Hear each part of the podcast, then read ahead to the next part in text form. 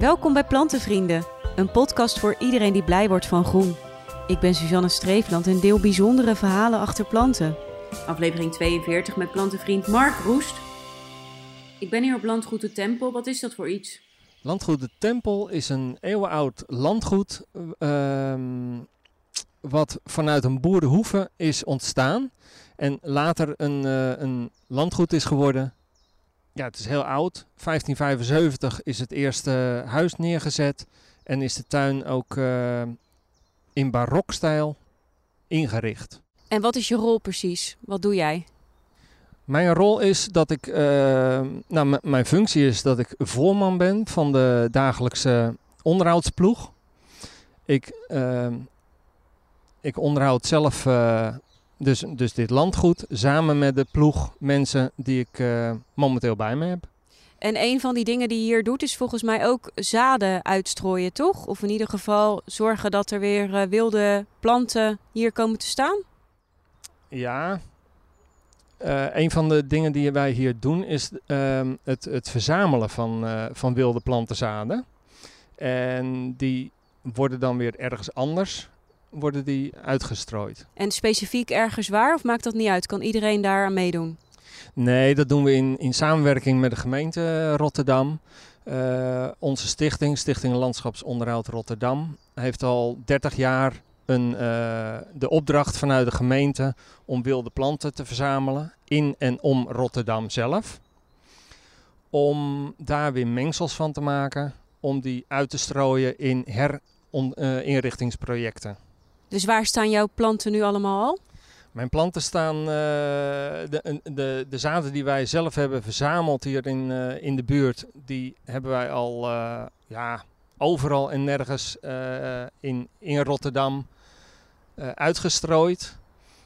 ter versteviging van de biodiversiteit.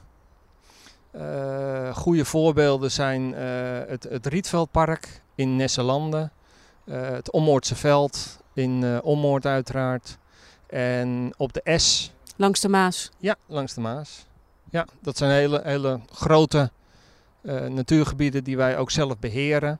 Die wij op die manier ook eh, ja, verstevigd hebben. Aangevuld hebben met plantensoorten die daar eigenlijk wel horen, maar er nog niet zoveel stonden. Die hebben wij min of meer aangevuld daarmee. Dat was het alle begin van, van het, ja, het hele Rotterdamse natuurzadenproject wat wij eh, doen. Later zijn wij echt mengsels gaan maken en, eh, en die zijn echt voor, voor herinrichtingsprojecten die her en der door de stad worden ingevuld. Nou, klinkt goed. En heb je daarvoor ook de, het toffeegras? Zo wordt het toch genoemd? Want ik zie hier een emmertje voor me staan. Ja, het reukgras. Maar volgens mij ruikt hij een beetje naar toffee, toch? Dat is toch een beetje... Ja, tof. eh, ja, het is een pittig zoete eh, geur die, eh, die reukgras afgeeft. Ehm, reukgras is een soort die, ehm, die in, op voordracht van de gemeente ehm, nu ook al twee jaar wordt verzameld door ons. Eh, en, en reukgras is een heel aardig niet-dominant grassoortje. Die ehm, bij droging specifiek voor de eh, hooigeur zorgt. Het geeft een bepaalde stof af, eh cumarine, eh, zo uit mijn hoofd. En die zorgt ervoor voor die, voor die typische ty- hooigeur die ja, hooi heeft. En waarom is deze plant belangrijk om weer terug te herintroduceren? Ja, bij het verschijnen van deze plant geeft het eigenlijk een indicatie dat je op de goede weg bent met het verschralen van, eh, van hooilanden. En eh, ja, daar, daar is het een indicatorsoort voor. Maar hoe bedoel je verschalen van hooilanden? Heel veel ehm, gebieden die wij beheren zijn eigenlijk veel te eh, voedselrijk. En door het maaibeleid, het maaien en afvoeren van maaisel, verschralen we de grond en daarmee verrijk je de, bodem, eh, de diversiteit van de plantensoorten. Van enkele hele dominante soorten ehm, maak je de grond geschikt eh, voor meer soorten die minder dominant zijn. Het klinkt een beetje averechts eigenlijk. Ja, maar het is een, het is een soort uh, twee golf-sinus-beweging. hoe rijker de grond, hoe armer de biodivers, hoe, hoe minder uh, verschillend, ja, hoe minder plantensoorten er op, uh, op de vierkante meter voorkomen. En hoe armer de grond, hoe meer plantensoorten daar weer komen. Ga je verder naar hele arme grond, dan verdwijnen er weer heel veel soorten en krijg je weer minder soorten die uh, ja, op die hele voedselarme grond gedijen. En hoe weet je nu dat de arme grond arm genoeg is of juist niet? Of dat je bent doorgeslagen?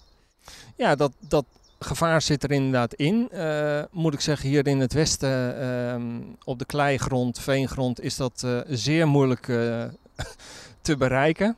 Eigenlijk niet, omdat kleigrond van, van origine al heel rijk is. Um, maar door monitoring en het, ja, het, het, blijven bekijken van, van welke planten er voorkomen, kun je op een gegeven moment zeggen van oké, we hebben nu voldoende verschraald, we kunnen nu maaien en laten liggen. En dat laten liggen is ook belangrijk? Nou ja, daarmee ehm, bewerkstellig je dus dat je geen voedselstoffen meer afvoert, maar dat je de kringloop eigenlijk op gang houdt op een niveau die jij dan wenselijk vindt die het meest rijk is. En waarom heb jij zoveel interesse hierin? Ja, zo is het net. ik weet het niet. Ik heb gewoon een natuurlijke passie om, uh, om, om me hiermee bezig te houden. En uh, ja, op de een of andere manier vind ik dit gewoon heel leuk. Hier word ik blij van. En je hebt dus ook dat gras meegenomen. Is dat voor in de plantenbiep? Of, uh... Ja, dit polletje komt uit de oogstlocatie ehm, van ons binnen Rotterdam heb ik vanmorgen uitgestoken voor de plantenbiep als toevoeging. De plantenbieps die zijn te vinden op plantenvrienden.nl en op Instagram deel ik de updates van alle stekjes die mijn gasten weggeven in deze podcast. Heb je zelf een verhaal te delen? Dan kan je dat mailen naar podcast.plantenvrienden.nl. Leuk dat je luisterde en tot de volgende aflevering.